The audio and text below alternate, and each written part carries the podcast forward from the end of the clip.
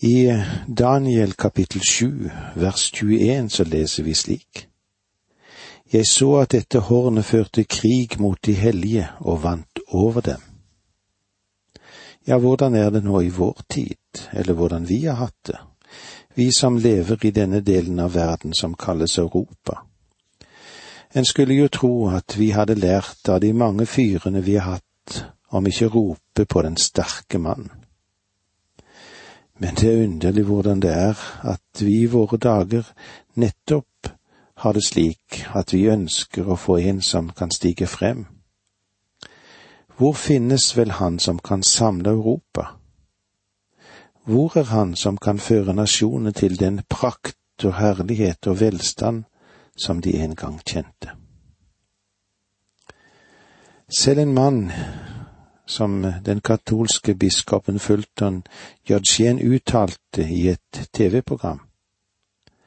Antikrist vil komme forkledt som den store humanitære personlighet.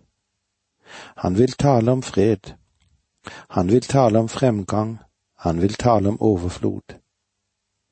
Ikke som et middel for å føre oss til Gud, men som et mål i seg selv. Han vil bortforklare skylden psykologisk og få mennesker til å krympe seg hvis deres medmennesker sier at de ikke er vidsynte nok, eller at de er liberale nok. Han vil spre den løgn at mennesket aldri blir bedre før samfunnet blir bedre. Ja, hvordan er det? Verden beveger seg kanskje i den retningen av Europa at det vil dras mer og mer sammen, og hva skjer? Ingen av oss vet vel riktig hvor lang tid dette vil ta. EU er et uttrykk for at Europa går mer og mer i den retningen. Men dette er jo ikke ensbetydende med at vi er kommet til slutten. Noe annet som òg har hendt i Europa, og som gir et visst psykologisk grunnlag for en enhetstenkning. Unge mennesker, for eksempel i Sentral-Europa, de vil kanskje ønske å kalle seg europeere i stedet for italienere, franskmennere og tyskere. På mange vis virker det som om Europa i dag er mer moden, eller ser ut som en moden frykt som henger på treet og det trenges bare én antikrist for å komme og plukke den. Men slik jeg ser det, vil han ikke komme før Herren tar bort sin menighet fra en slik verden som vi lever i, og slik som vi leser om i Tessalonikerbrevene. La oss se videre i kapittel syv her i Daniel. Vi leser i vers 22. Inntil den gamle av dager kom da fikk Den høyestes hellige sin rett, og tiden kom da de hellige fikk rike i eie. Den gamle dage, ja, den gamle dage er Kristus. Han er den eneste som er i stand til å nedkjempe Antikrist. De hellige. Igjen må jeg få lov til å si at vi ikke her taler om de hellige i Det nye testamentet. Dette er Det gamle testamentet vi er innom. La Bibelen få si det den ønsker å si, ikke prøve å få den til å passe inn i vårt lille læremessige puslespill. Vers 23 Slik lød hans svar. Det fjerde dyret betyr at det skal komme et fjerde rike på jorden, et som er annerledes enn alle de andre rikene. Det skal sluke hele jorden, tråkke den ned og knuse den. Det fjerde dyret blir her sammenlignet eller identifisert som et rike, og i vers 17 som en konge. Det er umulig å adskille kongen fra kongeriket. Begge disse hører sammen som to sider av samme mynt.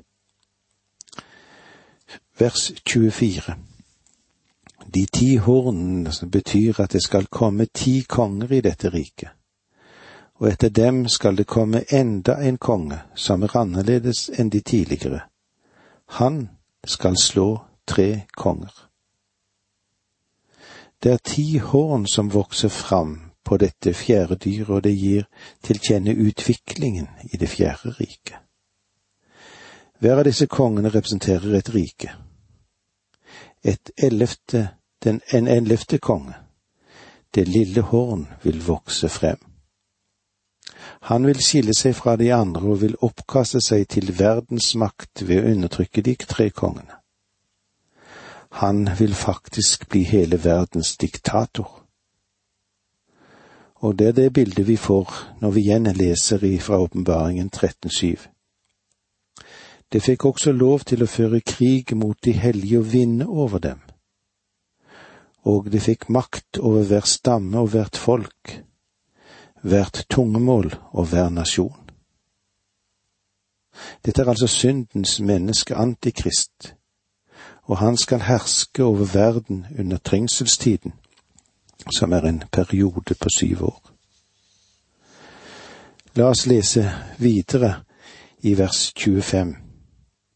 Han skal tale mot den høyeste og fare hardt fram mot den høyestes hellige. Han skal sette seg for å forandre tider og lover, og de hellige skal overgis i hans makt en tid og tider og en halvtid. Det lille horn er en spotter. Åpenbaringen 13.5 og 6.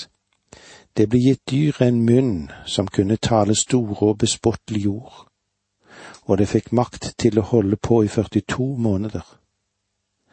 Da åpnet det munnen for å spotte Gud og begynte å håne hans navn og hans bolig. Ja, alle som bor i himmelen. Noe av det som karakteriserer Antikrist, er at han er imot Gud og mot Kristus. Og det er jo hovedbetydningen i selve ordet antikrist. Den andre betydningen er jo å sammenligne eller imitere Kristus. Jeg tror personlig at de to dyrene i åpenbaringen 13 representerer disse to sidene av Antikrist. Det første, at han er mot Kristus, en spotter, og det andre, at han er en falsk profet, og forsøker å imitere eller sammenligne seg med Kristus. Men selv om han opptrer som et lam, så er han i virkeligheten en ulv i fårklær. Det sies også her at han skal fare hardt fram mot den høyestes hellige. Det betyr ikke det samme som de predikanter som kan tale tukt fra tid til annen over menighet en søndag formiddag, kanskje.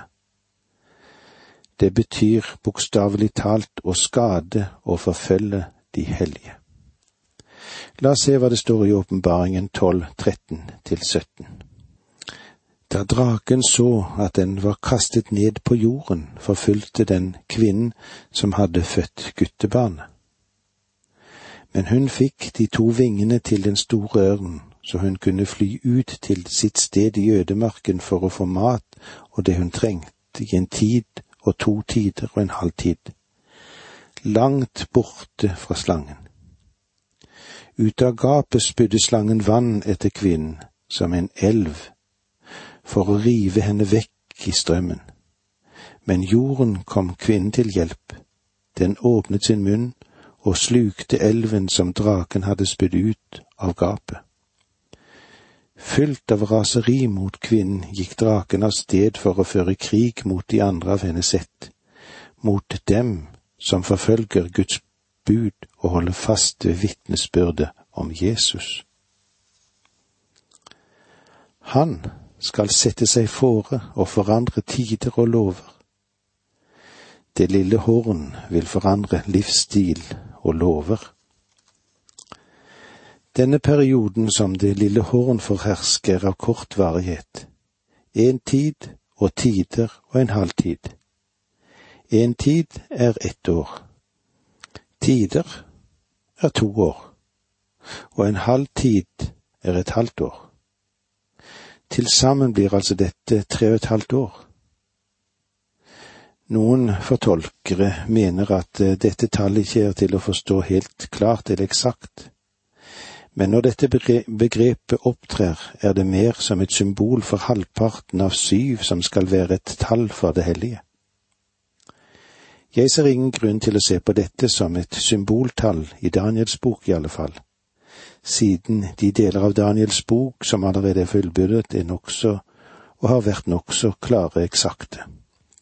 Og med disse ordene må vi si takk for nå, må Gud være med deg. Dette undervisningsprogrammet består av to deler. Åge Nevland fortsetter nå med andre del av dagens undervisning. Vi er i Daniels bok, og vi er i det syvende kapitlet, og vi er kommet i avslutningen av dette kapitlet. Og eh, vi leser sammen fra vers 26, kapittel 7. Da skal retten bli satt.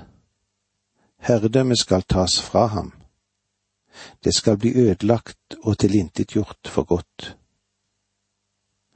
Da skal retten bli satt.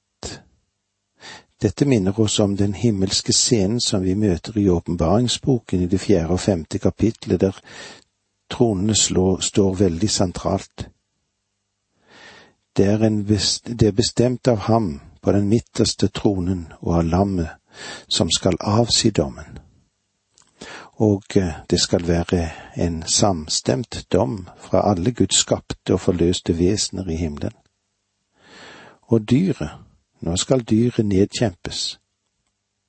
Hans herrevelde må ta slutt, og han selv vil bli dømt. Da skal retten bli satt. Dette kan ikke endres. Denne dom fortsetter gjennom den store trengsel, og den vil nå sitt mål ved Kristi gjenkomst til jorden og opprette sitt rike. Vi leser sammen i Åpenbaringen 19 vers 11 til 21. Da så jeg himmelen åpen, og se, det var en hvit hest. Han som red på den, heter trofast og sannferdig for han dømmer og kjemper rettferdig. Hans øyne er som flammende ild, og på hodet har han mange kroner, og han bærer en innskrift med et navn som bare han selv kjenner. Han er kledd i en kappe dyppet i blod, og hans navn er Guds ord.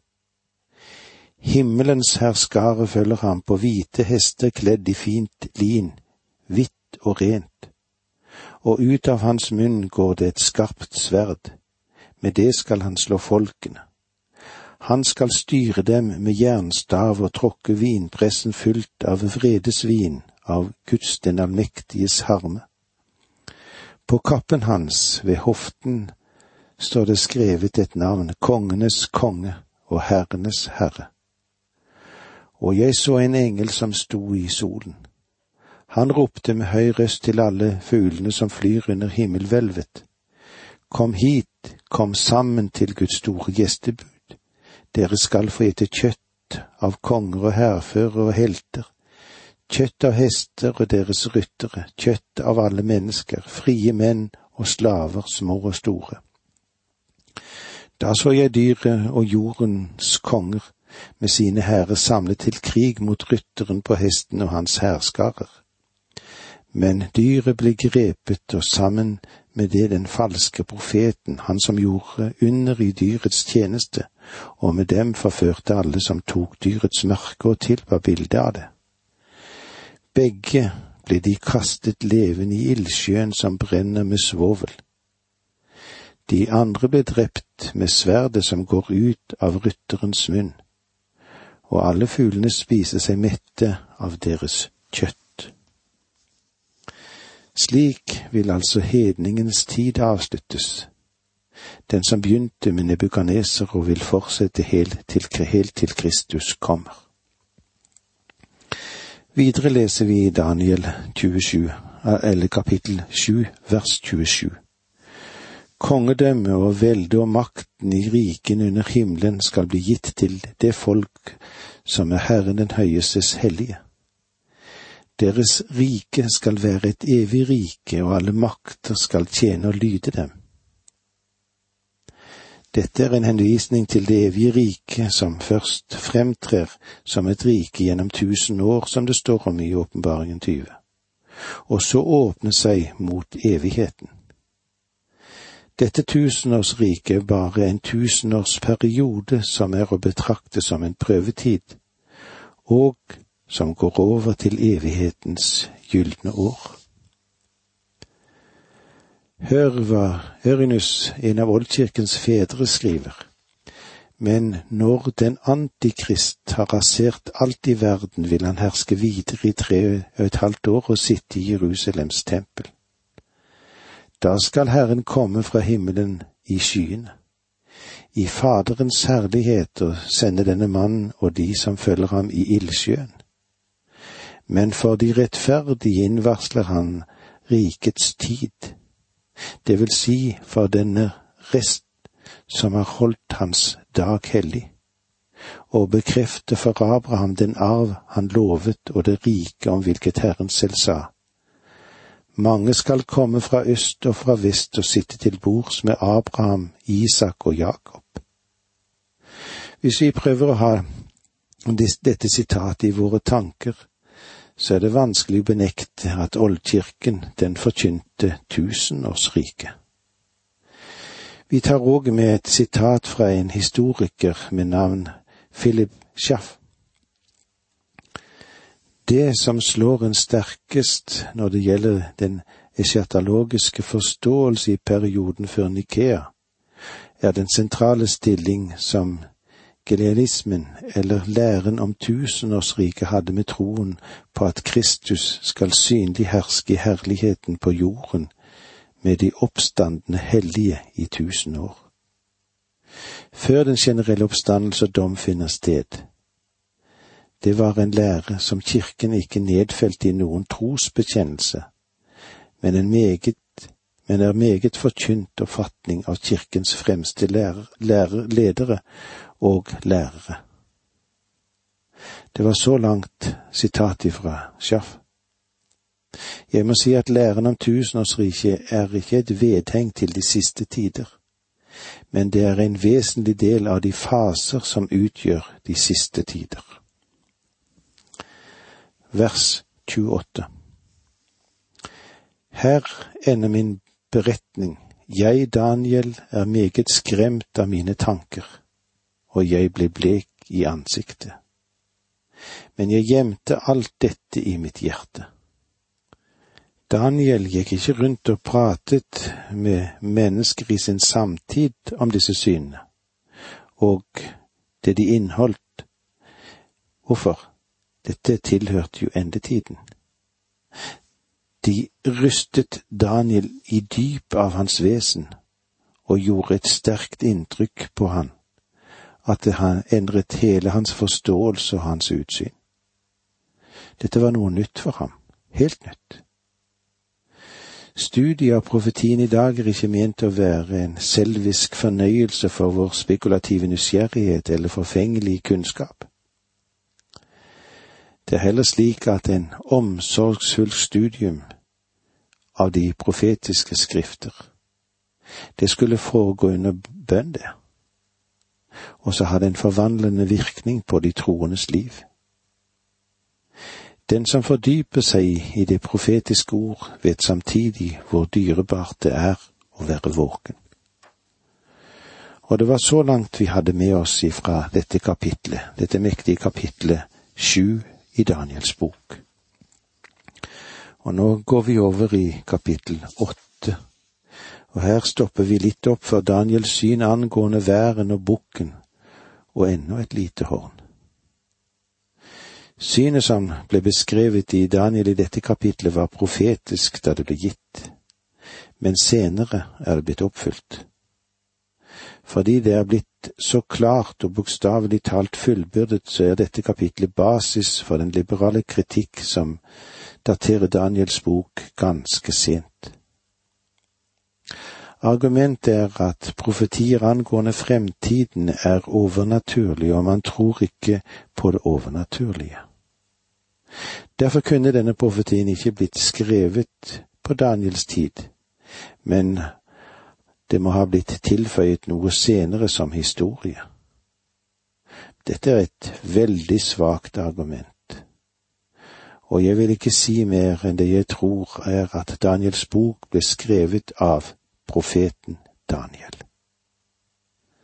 Om Daniel ikke skrev Daniels bok omkring år 600 før Kristus, som hadde vært en annen mann med det, samme, med det samme navn som har skrevet den samtidig. Daniels profetiske syn om væren med de to horn og bukken med et horn er som å plassere et mikroskop på en konfliktsituasjon mellom det andre og det tredje verdensriket, og kampen mellom øst og vest, mellom Orienten og Oksidenten, mellom Asia og Europa. Dette var striden mellom det mediopersiske og det gresk-makedonske riket. Dette synet inneholder ennå et lite horn, som allerede har funnet sin fullbyrdelse i Antitokus Epifanes den store jødeforfølgelsen kalt Nero i jødisk historie. Vi bør og burde kanskje i større grad legge merke til at det foregående avsnitt som var i Daniels bok fra det andre kapittelet fra vers fire og til og med kapittel sju vers 28, det ble skrevet på arameisk, opprinnelig et syrisk språk, og eh, selv verdensspråket for disse fire verdensriker var det nyttig å ha med. Men vi kan ikke ta mer med oss i dag. Neste gang vi møtes, så vil vi da begynne i kapittel åtte. Takk for nå, må Gud være med deg.